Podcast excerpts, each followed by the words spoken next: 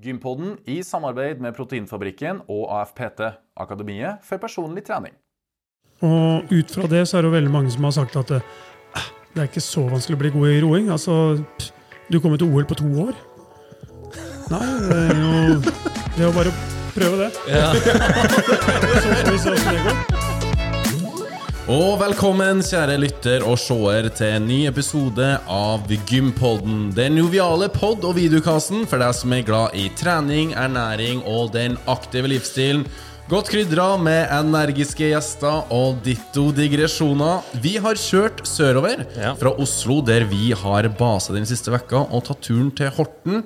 Og vi sitter da på Tuftegård. Og ja, da sier det seg sikkert hvem vi er på besøk til.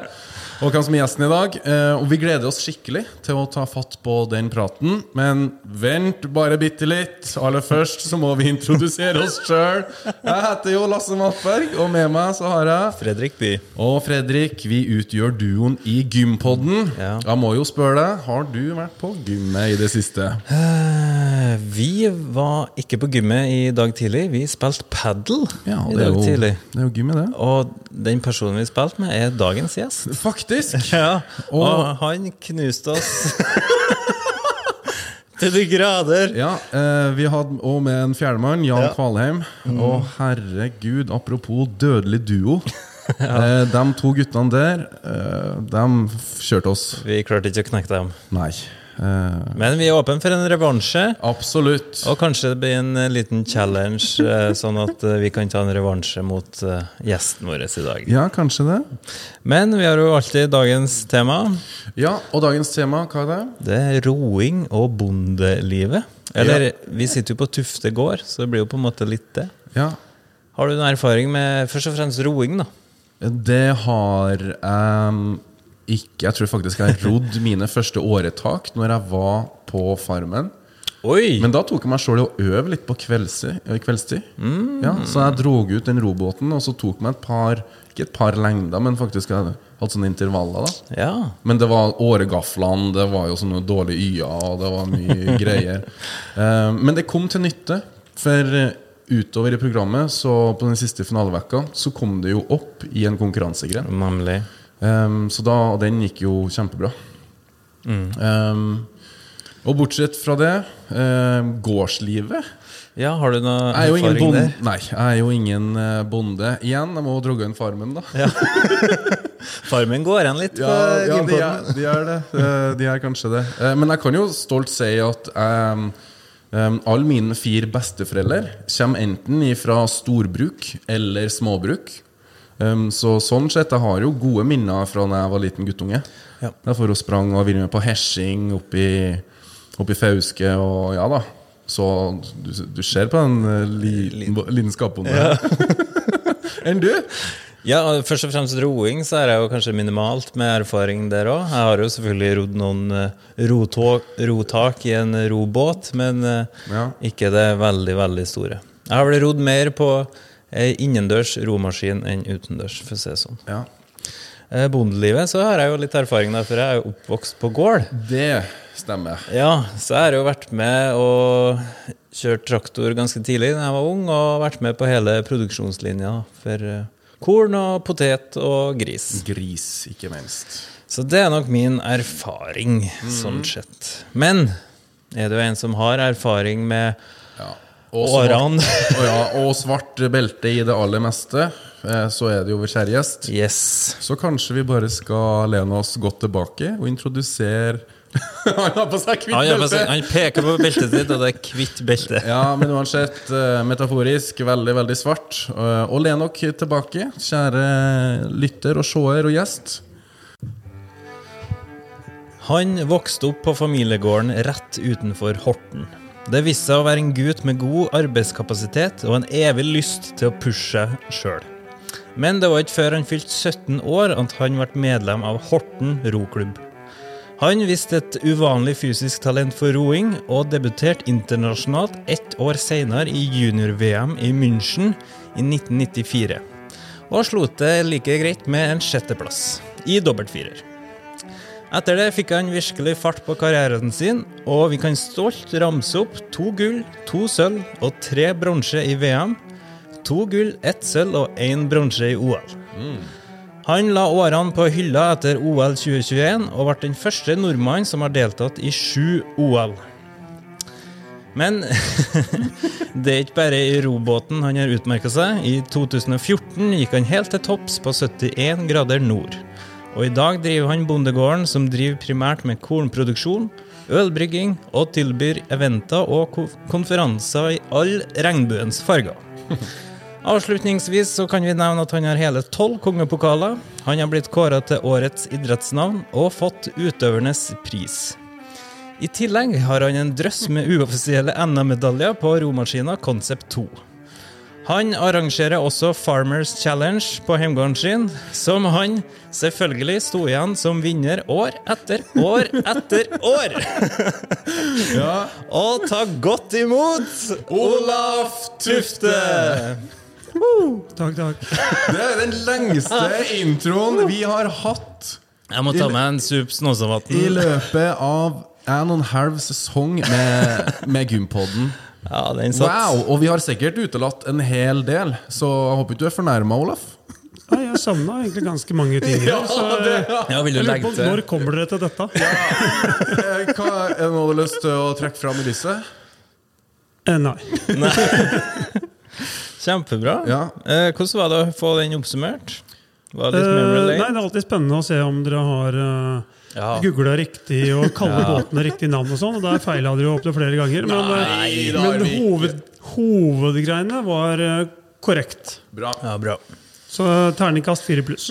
Ja, ok, tusen takk for det. det, det klarer jeg alene. med. i hvert fall. Det første vi spør gjestene våre om, er jo om du har vært på gymmet i det siste. Ja. Og det har jo vi avslørt på mange måter. For du var jo på gym i dag tidlig.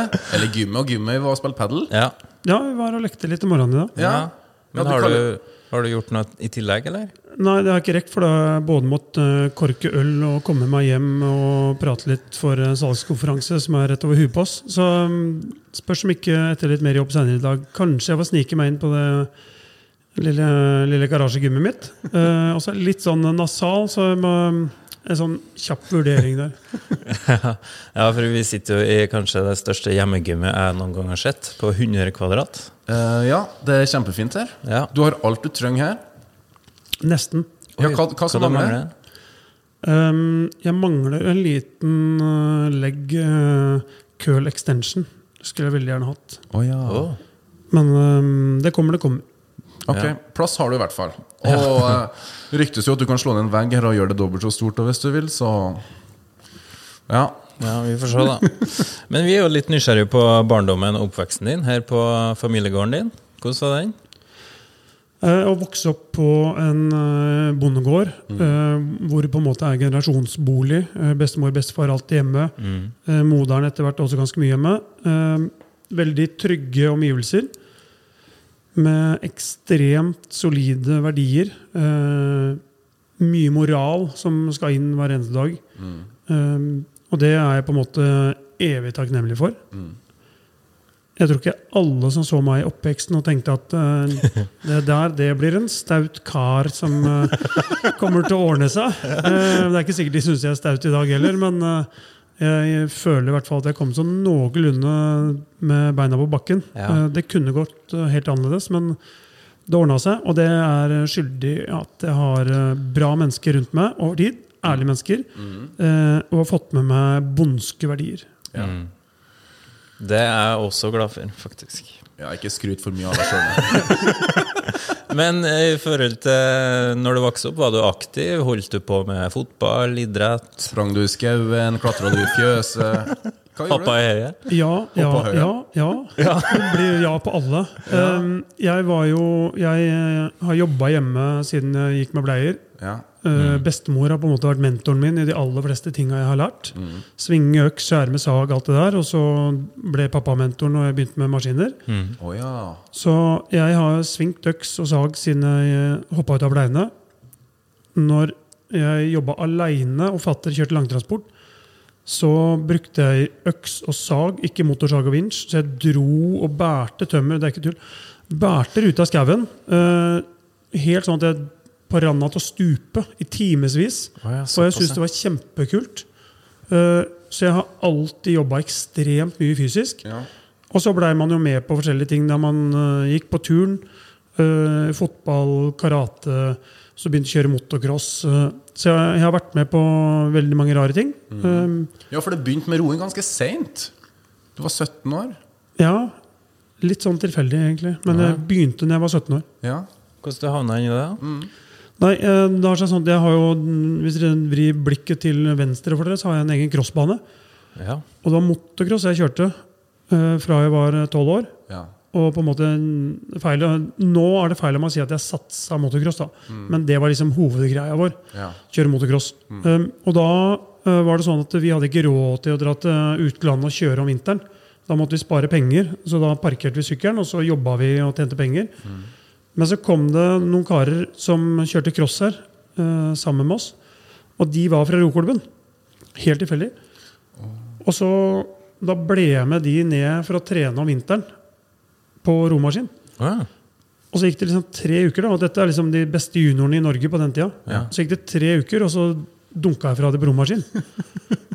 og da var det sånn papp. Pappaen til han ene han eh, er jo fortsatt klubbtreneren min, og Ja. en av de nærmeste personene jeg har. Han var bare sånn Du skal ro NM i firer Ja. for Horten roklubb. Ja. Det var ikke et spørsmål om jeg hadde lyst. Du Det var sånn, ja, Han trengte firma, så det skal du. Dunk, Ja. ferdig prata. Ja. Um, og jeg var sånn Nei, det var ikke planen. Men det blei sånn. ja. Så um, fra å begynne litt på romaskin, så endte det opp med at min første rotur noensinne var 2. april 1994 på Indre Havn i Horten. ja. Og da var det is på vannet. Og det var kaldt.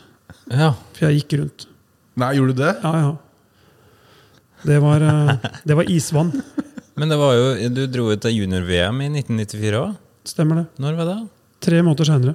Å ja, såpass, ja. Så Men klarte å holde balansen? Hva Nei, det tok de andre tre seg av. Du bare rodde. Så du bare satt der og var manpower? Altså, min, min oppgave var i utgangspunktet bare være med og ro den fire ruten, som det da heter, eh, til NM i Stavanger i, tidlig i juni. Ja. Det var, liksom, det var det jeg skulle.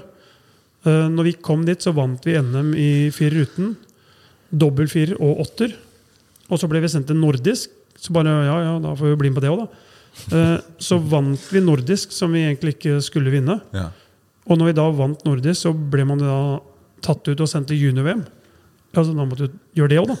Ja. Um, og i det junior-VM-et så burde vi egentlig tatt medalje. Vi ble så gode. Men vi feira jo finaleplassen.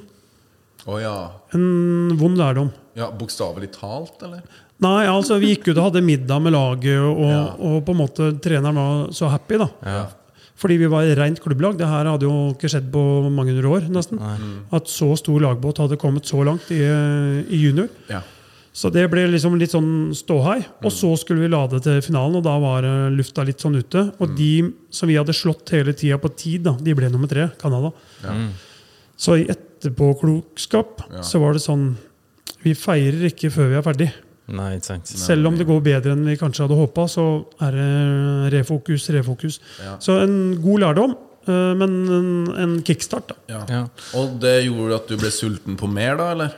Ja, eller da fortsatte man jo litt sånn i det sporet. Og fått litt smaken på det? Ja, litt. Rane. og så, men så, og så begynte jeg på landbruksskolen i Larvik. Ja. Eh, Så da trente jeg i Sandefjord på roklubben der. Og så gikk jeg på skolen og trente på Gym Better Nei, det gjorde jeg ikke. Jeg trente på Gimo i Larvik. Ja.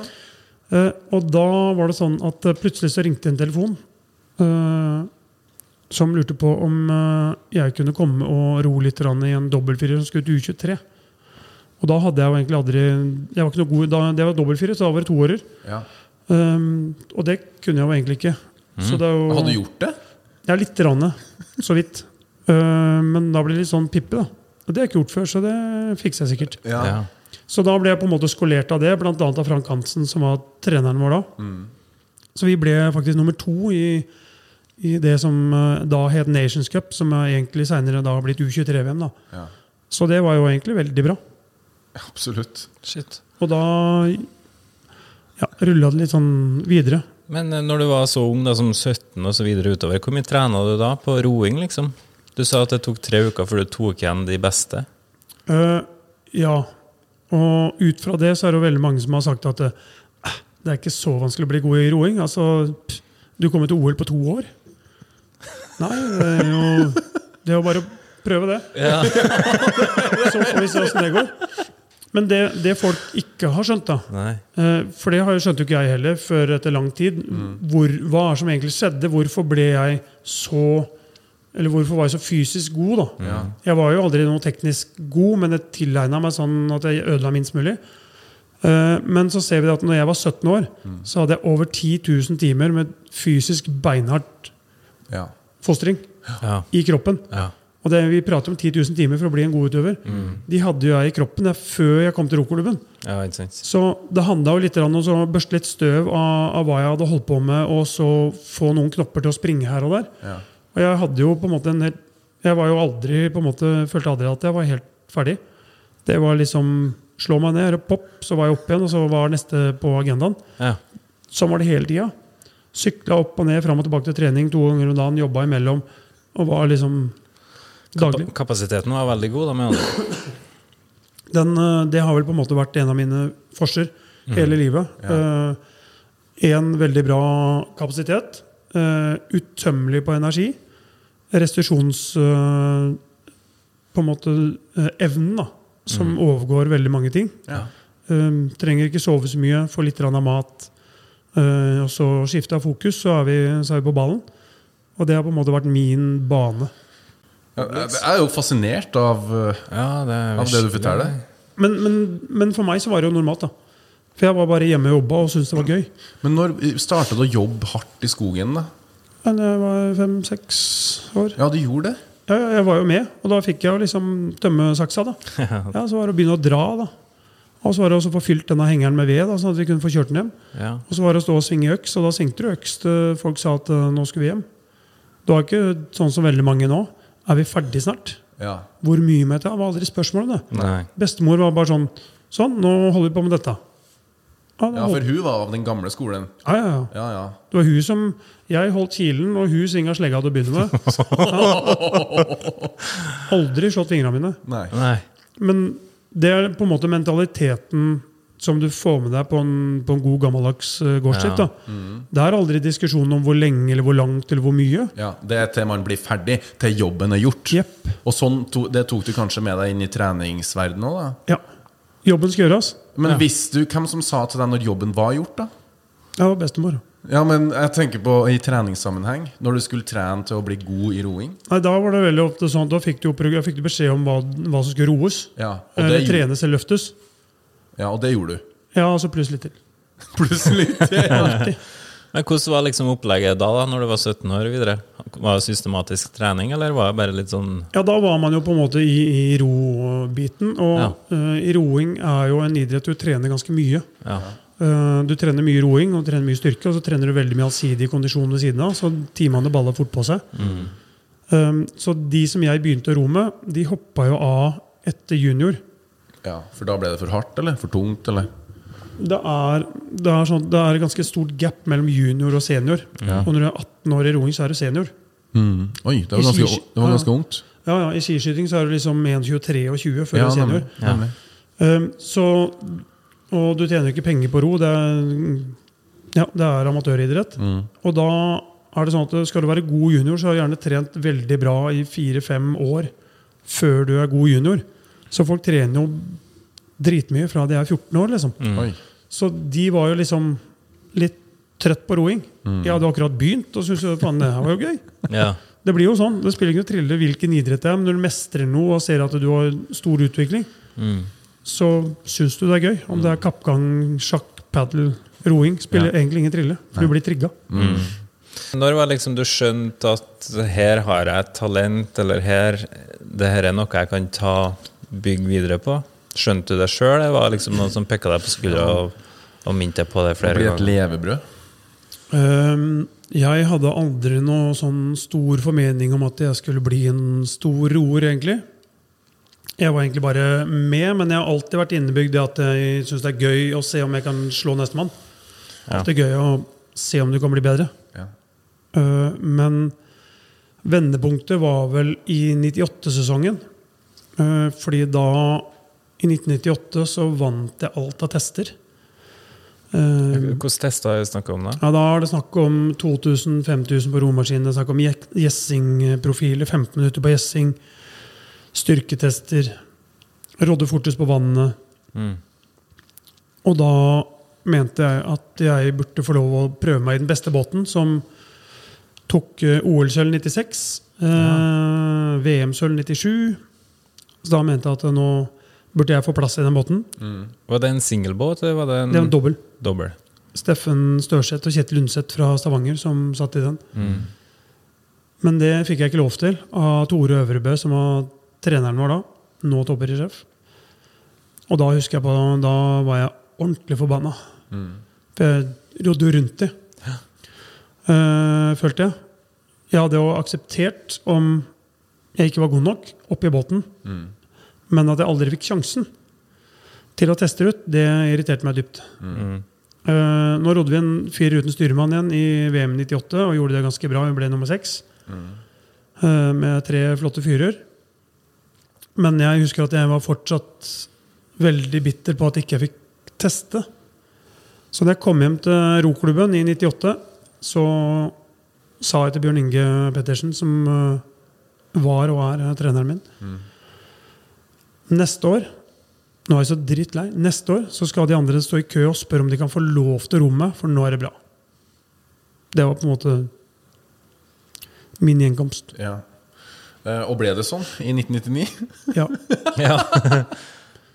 Jeg trente vanvittig mye den vinteren, Ja, og hadde jo bare Og da var du bare motivert, og du skulle vise dem, og du klokka timer og Hver økt så var det liksom bare å gønne på som om det var VM. Jeg var helt maniac. Ja. Uh, og jeg sov jo nesten ikke, bare trente og jobba og var helt tulling. Uh, og endte opp med å være enda råere på alle tester og vinne absolutt alt vi gjorde. Jeg vant alle uttak. Så jeg endte opp i dobbel med Fredrik ja.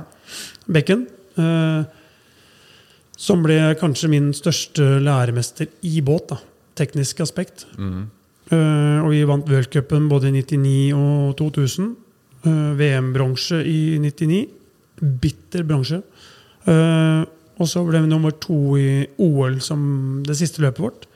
Og kanskje det beste løpet vi hadde sammen. Den roeren som det er prata minst om i norsk roing, men som kanskje er den beste roeren vi noensinne har hatt, totalt sett. Du får framsnakken nå, da. Ja, Kristian Skorgvik Ja. fra Ålesund. Fantastisk fyr. Han eh, er en av de absolutt beste roerne vi har hatt. Han kan ro uansett hvem side i enåra, paråra. Føler som et frimerke. Han er bare en drøm å ro med, og en fantastisk fyr. Han hoppa inn og rådde med Fredrik mens jeg var sjuk. Og når jeg var frisk, så ble Fredrik sjuk. Så da måtte han ro med meg. Så Christian rodde hele oppkjøringa i Australia for å hjelpe oss. Og når løpet begynte, så ble han satt på sidelinja, for da skulle vi ro. Eh, og Fredrik var jo nesten frisk når vi rodde innledninga av OL. Så går vi bort og vinner sølv. Eh, og hadde det ikke vært for Christian, så hadde det ikke vært i nærheten. Nei. Nei.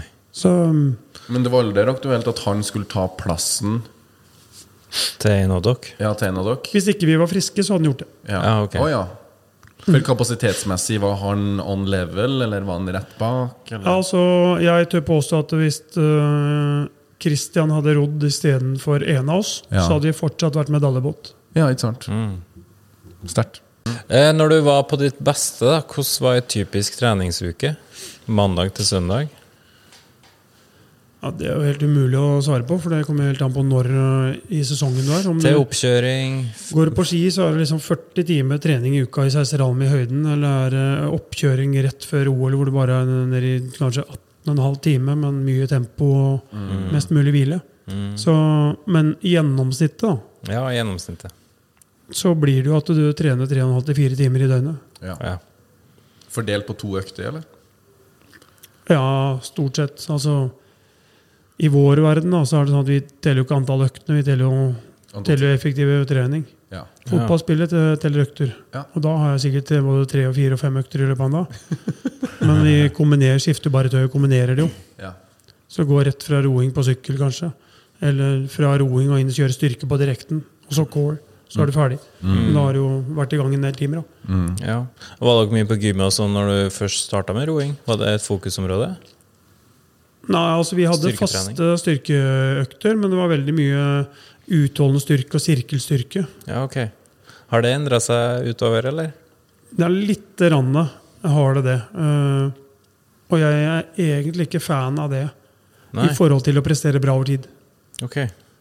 Hva du liker da? Nei, altså jeg, eh, vi har dette ut av noen faste uh, ting som har vært ekstremt bra, da, men som på en måte sakte, men sikkert har blitt sjalta ut fordi de kanskje ikke er så spennende. Åh, Men det funker. ja. Har du noen eksempler på det, eller? Uh, ja, så, Sånn enkel greie som sirkeltrening 45-15, Ja. som er, uh, mener jeg, ekstremt bra. Både for O2, muskulatur og ikke minst huet ditt. Mm. Til å liksom bare stå i det for å få så mye syre. Og bare stå i bevegelsesmønsteret. Og så får du en kjempetrening, og hvis du da legger på god oppvarming og god nedkjøring, så har du hatt en fantastisk økt. Den er jo nesten ute nå de siste 15 åra, i hvert fall, av mitt uh, seniorliv. Mm. Uh, sirkel B, som vi kaller altså utholdende styrke med vekter. Hvor man da begynner kanskje på 30 reps, da, og så ender opp på nesten 100 reps etter en del uker. Det er en virkelig sånn der, eh, mental utfordring som blir mindre og mindre av. Vi har hatt elementer av det, men altfor for få uker. da. Mm. Den knuser jo muskulaturen din, så det handler litt om å tåle det òg. Men det er en sånn greie um, Roing er en så ekstremt uh, hard fysisk ting. For det er, det er syv minutter på, liksom, på absolutt bånn gass. uten, Det er ikke noen nedoverbakker, det er ikke noe medvind. eller mm, Du kan ikke ligge i, i vindtunnelen eh, til han foran deg. Nei. Så du er så ekstremt avhengig av å tåle Én er jo å trene så bra at du ikke får like mye syre som han ved siden av. Men så, når syra kommer, så må du kunne klare å akkurat balansere og likevel opprettholde mønsteret ditt. Bryter du bevegelse eller pustemønsteret ditt, så har du tapt. Mm. Det og du starter jo med å ha syretopp etter 45 sekunder, altså 300 meter. Så kommer første toppen. Nå skal du holde ut i seks minutter til. Sju. Ja. Men så kommer vi i 2004, så tok du OL-gull. Og så kommer vi til Nå har du- 2000, nå har du hoppa over mye, men det går fint.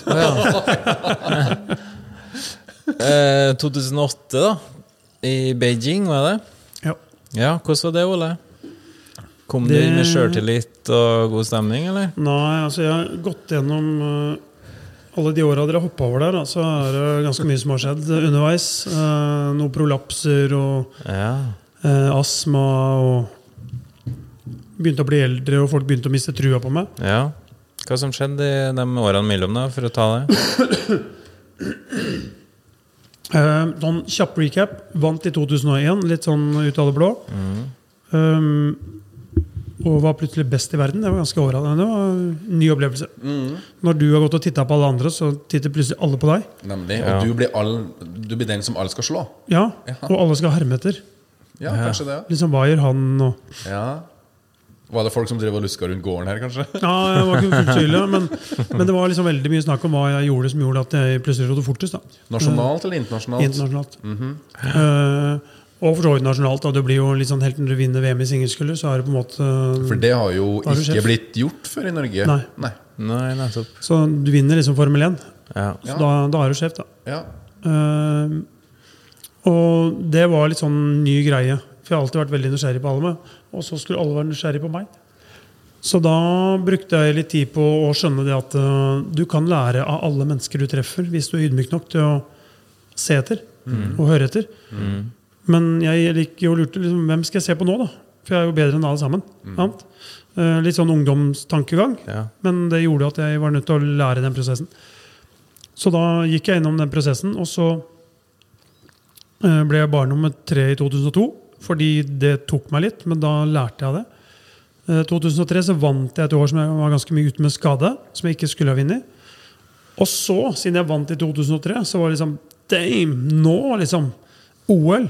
Bring it on! Nå skal jeg bli rå! ja. Og da dro jeg ryggen. Fikk jeg prolaps. ja. Jeg fikk prolaps 6. november. Tror jeg det var. 9. 6. november. Og fikk beskjed om at um, du sitter ikke på romaskin før januar. Når satt du på romaskin? Jeg satt på romaskin uh, eh, Jeg satt i båt tre uker senere. Ja. Smertefri? Ja. Smertefri, ja. Ganske, ja. ja, okay. Okay, hva skjedde mellom de tre ukene der, da? Jeg bodde på Olympiatoppen og trente fra seks om morgenen til ti om kvelden med kun brudd på måltid. Oi. Og treninga da? Hva var det det? var slynge. Jeg tror jeg hadde fire eller fem økter i slynge om dagen. Jeg satt på sittesykkel, vanlig sykkel, rett opp og ned. Begynte morgenen med to timer rett opp og ned på racersykkelen leste VG. Ja. Langkjøring. For den posisjonen kunne jeg holde. Og så var det slynge, og så var det litt mer frokost, og så var det ned på sittesykkel eller styrke som jeg kunne kjøre uten. Så det var bare fyre på. Eh, og det var kanskje grunnen til at jeg vant OL. Fordi jeg følte at jeg alltid var bak skjema. Ja. Så jeg gjorde så mye ekstra hele veien. Ja. Jeg var så redd for at jeg var bak, bak skjemaet mitt. Mm. Jeg husker en mentaltrener fra Trøndelag, faktisk. Han tror jeg het Elling, Erling, Elling, et eller annet. Men han kjørte en sånn metafor på oss, husker jeg, i Sevilla når vi var der. Så sier han Olaf Nå skal jeg ikke herme til Trøndelag, siden dere sitter Jo, please. Ja, prøv. Prøv. Kom igjen. Kom et forsøk. Ja, ja. Og da gir vi plass til Olaf Tufte, trønderen. Hva skal til for at du lykkes 100 i Aten? Hadde jeg hatt igjen øynene, så hadde jeg ikke Og så titta jeg på den, så sa jeg Men det går ikke, det. Det toget har gått, det. Nei, ja, men det går Nei, sa jeg. Det toget gikk når jeg fikk prolaps. Men jeg skal Jeg skal være så god ja, at jeg lykkes på 80% Titta han på meg sånn Du er gæren, du. Så var den diskusjonen ferdig. Ja. Um, resultatet ble at han fikk et julekort av meg. Som det sto 80 Olaf Tufte. Det er ikke, Kun det? Ja, ja. Å, så rått. Altså, jeg var jo mye mer enn 80 Ja. Men poenget mitt var at 100% min for å lykkes igjen, den gikk ut døra med den prolapsen. Ja. Men det var også grunnen til at jeg lykkes. Ja. Fordi da følte jeg at eh, jeg er bakpå. Jeg er bakpå. Jeg må liksom Fy faen, alle andre er liksom foran meg i løypa, så jeg må være på. må være på. Så det ble mantraet mitt hele tida. Og, og jeg var jo på det helt inn til finalen. ikke sant? Jeg var jo på. Jeg var først opp om morgenen. Det er uansett, da. Men Ja. gønna på. Eh, og i ettertid så ser man at det er grunnen til at jeg lykkes, for jeg var så ekstremt sulten. Ja. på å lykkes. Men eh, årene gikk jo, og så kom vi til 2020, da, da OL egentlig skulle arrangeres på nytt. Ja, det slapp vi å være med på. Ja. ja, det slapp du å være med på. Det var liksom, Da skulle vi være ferdig, da. Ja. ja. Men det ble jo utsatt. Det, det kosta oss nok eh, en finaleplass, tror jeg. Ja. Eh, Det ble ganske intenst. Eh, Mye Litt mye hjemmesturing hos en del mennesker. Som mista litt gløden. Ja, for det var midt oppi en pandemi òg, så det var jo andre tider. Men sånn var det for alle. Ja, det Ja. var det. Så det handler om å takle det på best mulig måte. Mm. Um, totalt sett så gjorde kanskje ikke vi det på best av alle. da. Vi hadde mye som var bra, og så når vi kom til OL, så underpresterte vi i forhold til hva vi kan. Mm. Men det er jo en del av gamet. Mm. Skal du vinne, så må du vinne på en dårlig dag. Ja. Hvis ikke så er du ikke god nok. Mm. Hvordan var det liksom å avslutte OL-karrieren på det viset? Eh, VM, eh, altså det er vemodig uansett. Altså Jeg har jo drevet med det, for jeg liker jo. Mm. Og jeg gjorde roing til livsstil. ja. I så mange år. Jeg kunne jo eh, mest sannsynlig tatt noen medaljer i edlere valører innimellom. eh, og holdt på kortere. Mm. Og altså ikke gjort så mange ting ved siden av. da. Men da hadde jeg ikke holdt på så lenge, for da hadde jeg kjeda meg. Ja. Så jeg gjorde det her til en livsstil hvor jeg kunne gjøre andre ting. Og jeg er jo kanskje mer stolt av mange andre ting enn akkurat det å ro. Mm. Som jeg klarte å få til og hjelpe til og bygge det opp og sånn. Og så har jeg rodd ved siden av og hatt familie rundt meg og venner som har akseptert hva vi har holdt på med. Så jeg er jo ekstremt privilegert.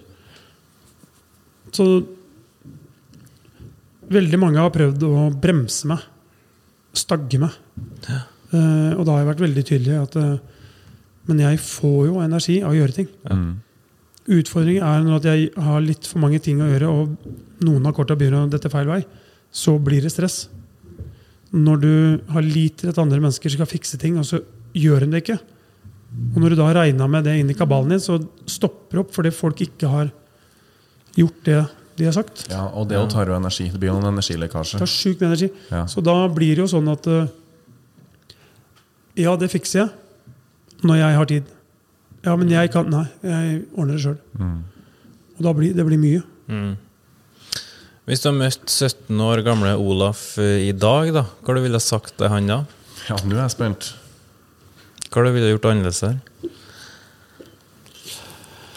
Jeg føler ikke at jeg angrer på så ekstremt mange ting. Altså, Nei. altså Jeg kunne alltid sagt til Olaf at eh, Bruk enda litt mer energi, eh, sånn at du får litt bedre karakterer. Men eh, når jeg sitter her i dag, så Jeg kom meg ålreit gjennom livet, selv om jeg ikke var noe skolegeni. Jeg har andre kvaliteter. Ja. Ehm, noen småvalg som jeg kanskje kunne hoppa over, men samtidig så har jeg lært ekstremt mye av feilene mine. Da. ja. Og det er ofte det man lærer mest av. Ja. Altså, kan si at Hadde jeg hørt på Pella og ikke løfta feil markløft, så hadde jeg kanskje sluppet å ødelegge ryggen min. Men da hadde jeg ikke vunnet OL-gullet. Helt overbevist om. Så altså, ting skjer jo for en grunn, da. Ja. Eh, og hvis du ikke dauer av det, så blir man ofte sterkere. ja. Så jeg vet ikke hvor mange ting jeg skulle gjort så veldig mye annerledes. Noen økonomiske ting jeg kanskje kunne gitt faen i. Men utover det så er det på en måte Det er livets lære, og sjarmen med det er jo å feile. Ikke gi seg, komme tilbake, vise at du kan bedre neste gang. Altså jeg, Ja.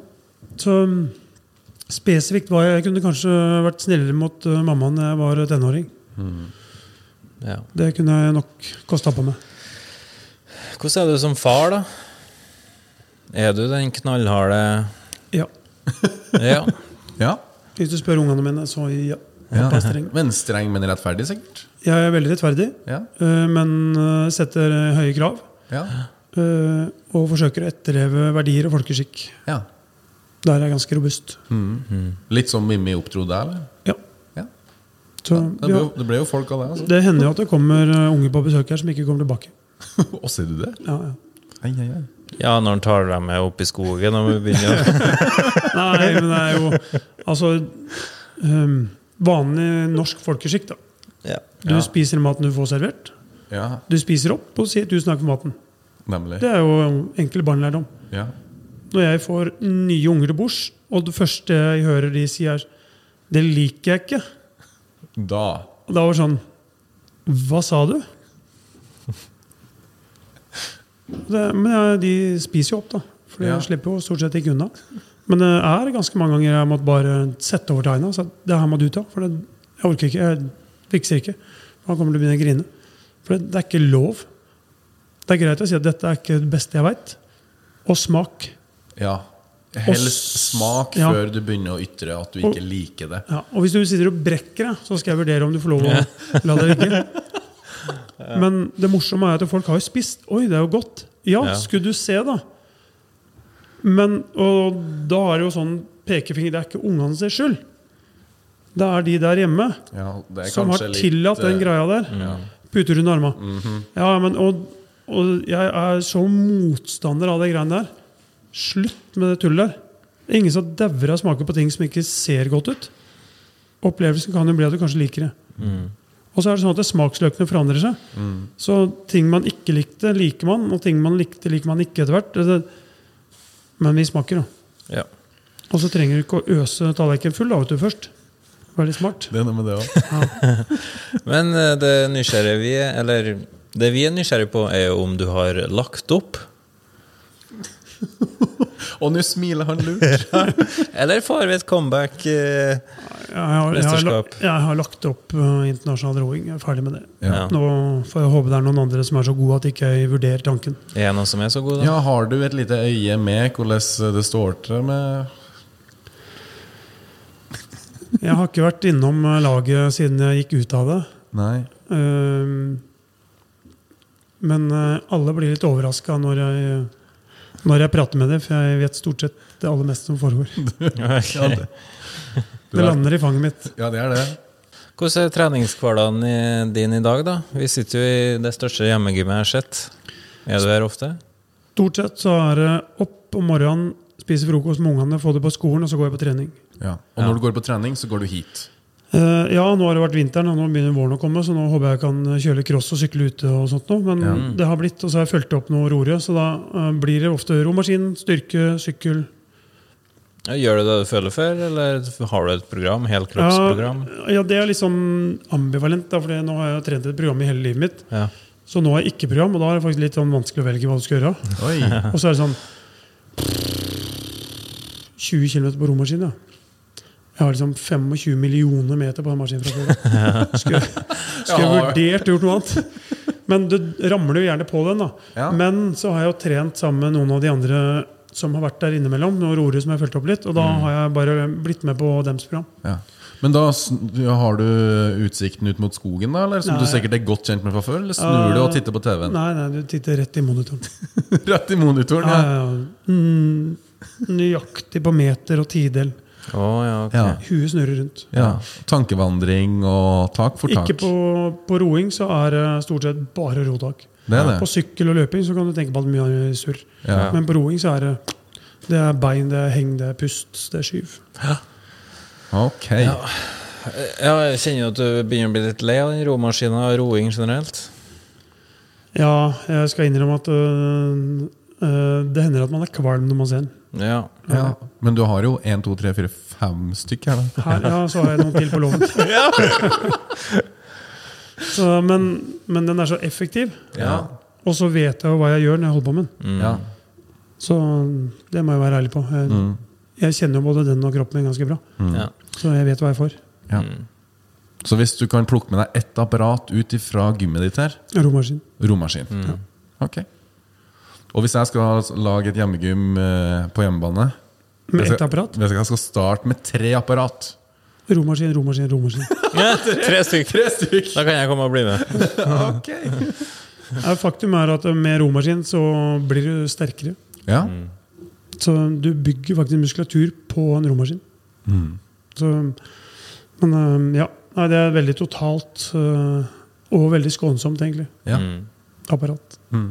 Det er klart. Så jeg anbefaler flere å Ja. teste ut det. Ja. Men få litt teknikkinstruksjon. teknikkinstruksjon. Eh, vi har to spørsmål vi stiller gjestene våre hver eneste gang. Og det er hva er ditt beste helsetips? En dag uten trening er en dag uten mening. Og det fører oss til neste spørsmål, som er Hva er ditt beste treningstips? Hver dag du går over dørstokkmila, Ja. så har du vunnet over alle de som ble igjen i sofaen. Vet du hva? Det er godt sagt. Det er så besett godt sagt! Bra. Den tar jeg med meg videre. Eh, Jeg òg. Og jeg, håper, jeg lomma. håper, lytterne gjør det samme. Absolutt. Men ja, du har lagt fra deg årene, i hvert fall OL-årene. Hva er det som kommer til å skje framover? Ja, nå er det jo sånn at vi er på Tufte gård, da. Ja. Eh, Det er jo på en måte hjertestein. Eh, Familiegård, det er eh, Hvis noen kommer i veien for det, så er det Da skal det knuses. Det er ingenting som på en måte får lov å komme i veien. Så hvis uh, karriere hadde vært uh, i fare pga. familie eller gård, så hadde karriera forsvunnet i roing. Da er det rett hjem. Um, Men du sitter jo her. ja, Du er på hjemmebane. nå er vi på hjemmebane, eh, og her har vi på en måte denne gården har vært ganske innovativ opp gjennom åra med å drive med det som man har behov for. da. Eh, om det har vært eh, revefarm som var en gang i tida, det er jo ikke populært om dagen, så det er greit vi ikke har det. Ja. Vi har drevet med israfting, altså før så hadde vi kjøleskap med is. ja. eh, så da lagde vi det nede på borevannet her. Nei. Eh, Tømmerdrift, eget sagbruk. Vi har hatt høner, vi har vært melkefarm, det er korn her som vi holder på med nå, og det er litt skogdrift og ved. Så det tar tid. Og så har jeg bygd opp og på en måte vært innovativ. Hva kan jeg gjøre noe ut av? Og ut fra Farmer Challenge, som jeg jo begynte med for eh, Ja. 18 år siden. Ja. Kommer det noe Farmers Challenge eh, i år? Um, nei, det gjør det nok ikke. Det krever litt mer planlegging. Ja. Men jeg arrangerer for veldig mange firmaer. ja. Litt det samme konseptet? Ja, altså jeg klipper jo og limer litt. da. Eh, Det er ikke alle som har lyst til å, å se hvor tøffe de er. Det er mange som har lyst til å ha teambuilding og litt uh, hyggeøvelser. Men casen er at jeg har veldig mange ekstremt mange eventer her. Både selskap og bedriftsarrangement. Eh, og da, det vi gjør annerledes, er at vi er på en gård, og så tar jeg dem med ut. Og så har vi, leker vi litt i skauen. Kaster øks, skyter med hagle, åpner øl med motorsag, skjærer med motorsag. Uh, store ringspill. Så vi har laga en god del sånne øvelser da, som er både teambuilding og individuelt. Um, og så er det inn og spise mat, og så er det å kose. Og kanskje holde et foredrag hvis de har uh, lyst på det. Uh, og så drikker de hjemmebrygg. Ja. Ja. Vi har et bryggeri i første etasje her som eh, ja, vi syns vi så det. i pandemitida, mens jeg hadde oppkjøring til OL og hadde litt mye hjemmetid, så starta jeg det også. Ja. Så det, det er jo veldig bra. ja. Og er det bare et par sorter dere for det, eller er det sortimentet litt større enn som så? Nei da, Vi har nok eh, nesten 20 sorter hvis vi, hvis vi blar litt. Ja. Så det, det er mye godt. Ja. Eh, til og med også selvfølgelig alkoholfri, som man jo hører og bør og må ha. ja. Uh, og han heter Lensmann. Ja, til lensmann. Passende. Da skal vi ta med oss litt eh, av lensmannen hjem i dag, tenker jeg. Ja, kanskje det. Så det, det går noen timer eh, til det her, og så er det ganske mange mennesker i sving. Og så er det jo familiebedrift. altså Gamlefar har dere jo treffet. Han er snart 74 år, og han jobber da døgnet rundt. Sprek har Han Han er sprek. Moderen sitter borte i huset. Hun bytta kne for fire dager siden. Så hvis ikke så jobber hun på eventene her, og Ja. på mat, oppvask og tilberedelser. Men så var det jo Tuftewear. Ja, Um, etter OL i 2008 så hadde jeg en plan om å lage litt billigere roter, for det var ganske dyrt. Ja. Men så ble jeg guida inn mot eh, bambustøy. Mm. Det syns jeg hørtes litt vondt ut, Uh, inntil jeg fikk det på meg. Fantastisk materiale. Ja. Eh, Nå heter det vel egentlig bambusviskose. Ja. Eh, Det begynte jeg med, og så stoppa det litt opp, for jeg hadde jo ikke tid til å drive med det. Og så hadde jeg ikke kunnskapen. Helt til jeg traff makkeren min på rødvin. Så da fyra vi i gang i 2011-2012. Og nå har vi nå har vi vel 15 ansatte i Oslo og et par i Kina. Eh, er jo sponsor av Farmen, har vi blitt. ja. Husker det. Eh, med suksess, syns jeg. Eh, det har vært eh, veldig bra. Og der er jo på en måte he hele ideologien der er jo å drive økologisk, grønn, sustainable merkevare. Hvor alt skal være så miljøvennlig som mulig. Og så skal vi se om det er bli, kan bli enda bedre til i morgen. Ja. Det er liksom hele mantraet vårt. da. Ja. Um, så bambusen er ikke gjødsla, ikke sprøyta. All bomull er eh, økologisk. Det dobbeltsjekker vi. All dun er på en måte riktig sertifisering. Og det er mye juksing der ute i verden, men vi er ekstremt påpasselige med at vi har alle Alle fingre skal være reine. Ja. Uh, men det er veldig morsomt. Uh, lærer ekstremt mye. Og den uh, får vi se om den vokser inn i himmelen, den bambushistorien. Nydelig. Vi nærmer oss kanskje en annen fast spalte. Ti kjappe? Ja! Da er det sånn at vi stiller deg to alternativ Oh, ja. per spørsmål. Oh. Ja. Ja. Enten-eller-spørsmål. Enten og det er jeg dårlig på 50-50. 50-50. Da hadde Men, kona det mi du- begynt å le. men det er du som sitter på fasiten. Ok, det er det, ja, det, er det som er så så- fint. Ja, Hvis ikke så pleier det å være feil, selv om jeg kan det. Vi får se, da. vi får se. Er du klar? Ja, det Det vil vise seg. ble litt usikker. Jo, vi kjører på. Proteinshake eller proteinbar? Proteinbar. Tren med pulsklokk eller ikke? Ikke Hjemmetrening eller tren på gymmet? hjemme. Og dette er jo som et gym. Det skal sies. Så ble det uavgjort, da. Ja.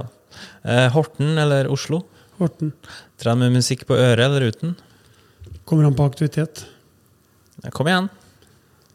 Nei, altså det Man kan ikke ha musikk og ro, for da mister man fokuset på øret ute. Så her er settinga. Inne kan du ha musikk. Ute så er det ikke musikk. Du må ha med deg trafikk. Du må ha med deg lyden fra båten. Ute i skauen må du ha med deg lyden av naturen, opplevelsene. Så kommer det an på hvor du er. Ok, så på, I båten på vannet, da er det uten musikk, men Altså, ellers er det med musikk. Lyden hører du. Du hører lyd, du får følelse. Dette er eh, komplekst. Ja, kom komplisert.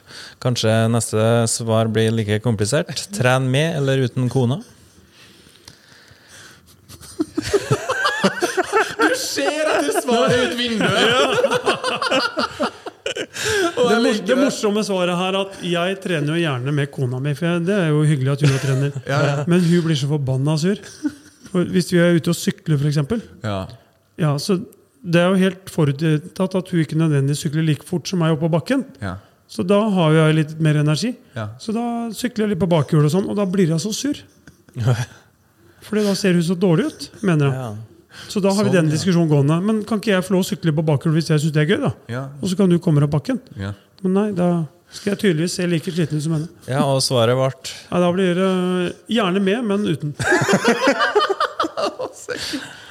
uh, Lag mat sjøl eller takeaway? Lag sjøl. Kaffe eller energidrikk? Kaffe. Sommer eller vinter? Norge. Vet du, her er det, Ja, det er det vanskeligste. Ti kjappe hverandre. Jo, men Det er jo hele poenget med Norge at det er fire årstider. Man Ja. guder jo hver årstid. Fy faen, så kjedelig det hadde vært med bare sol. Aldri mer sommer eller aldri mer vinter.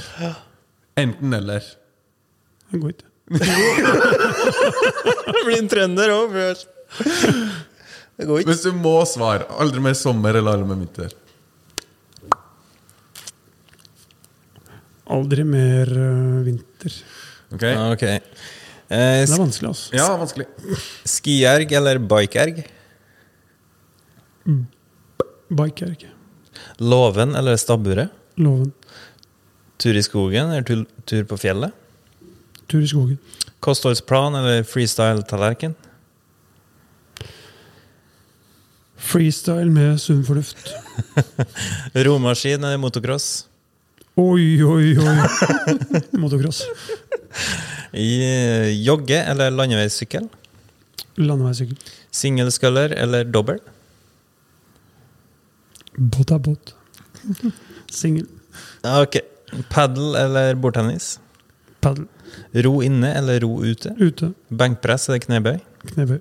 Generell oppvarming eller spesifikk oppvarming?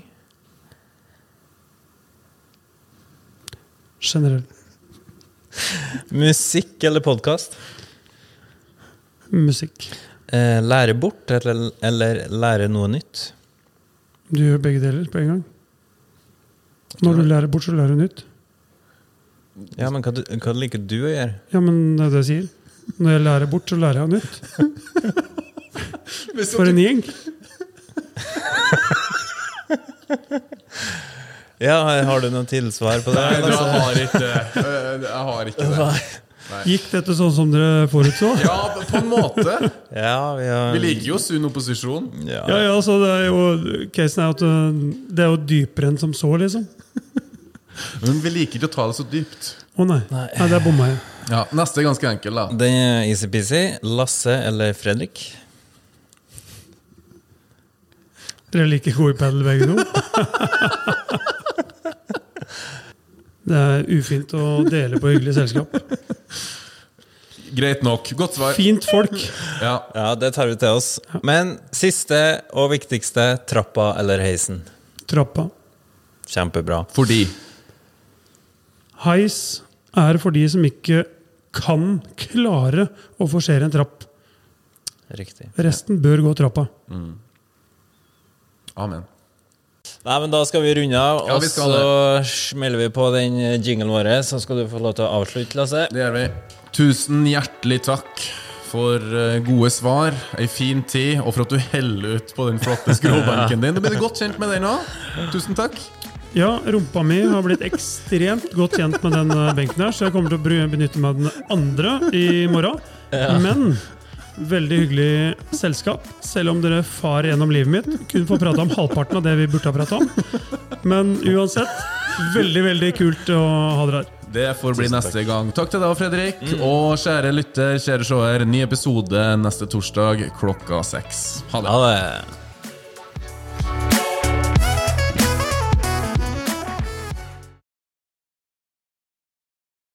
Gympodden i samarbeid med Proteinfabrikken og AFPT, Akademiet for personlig trening.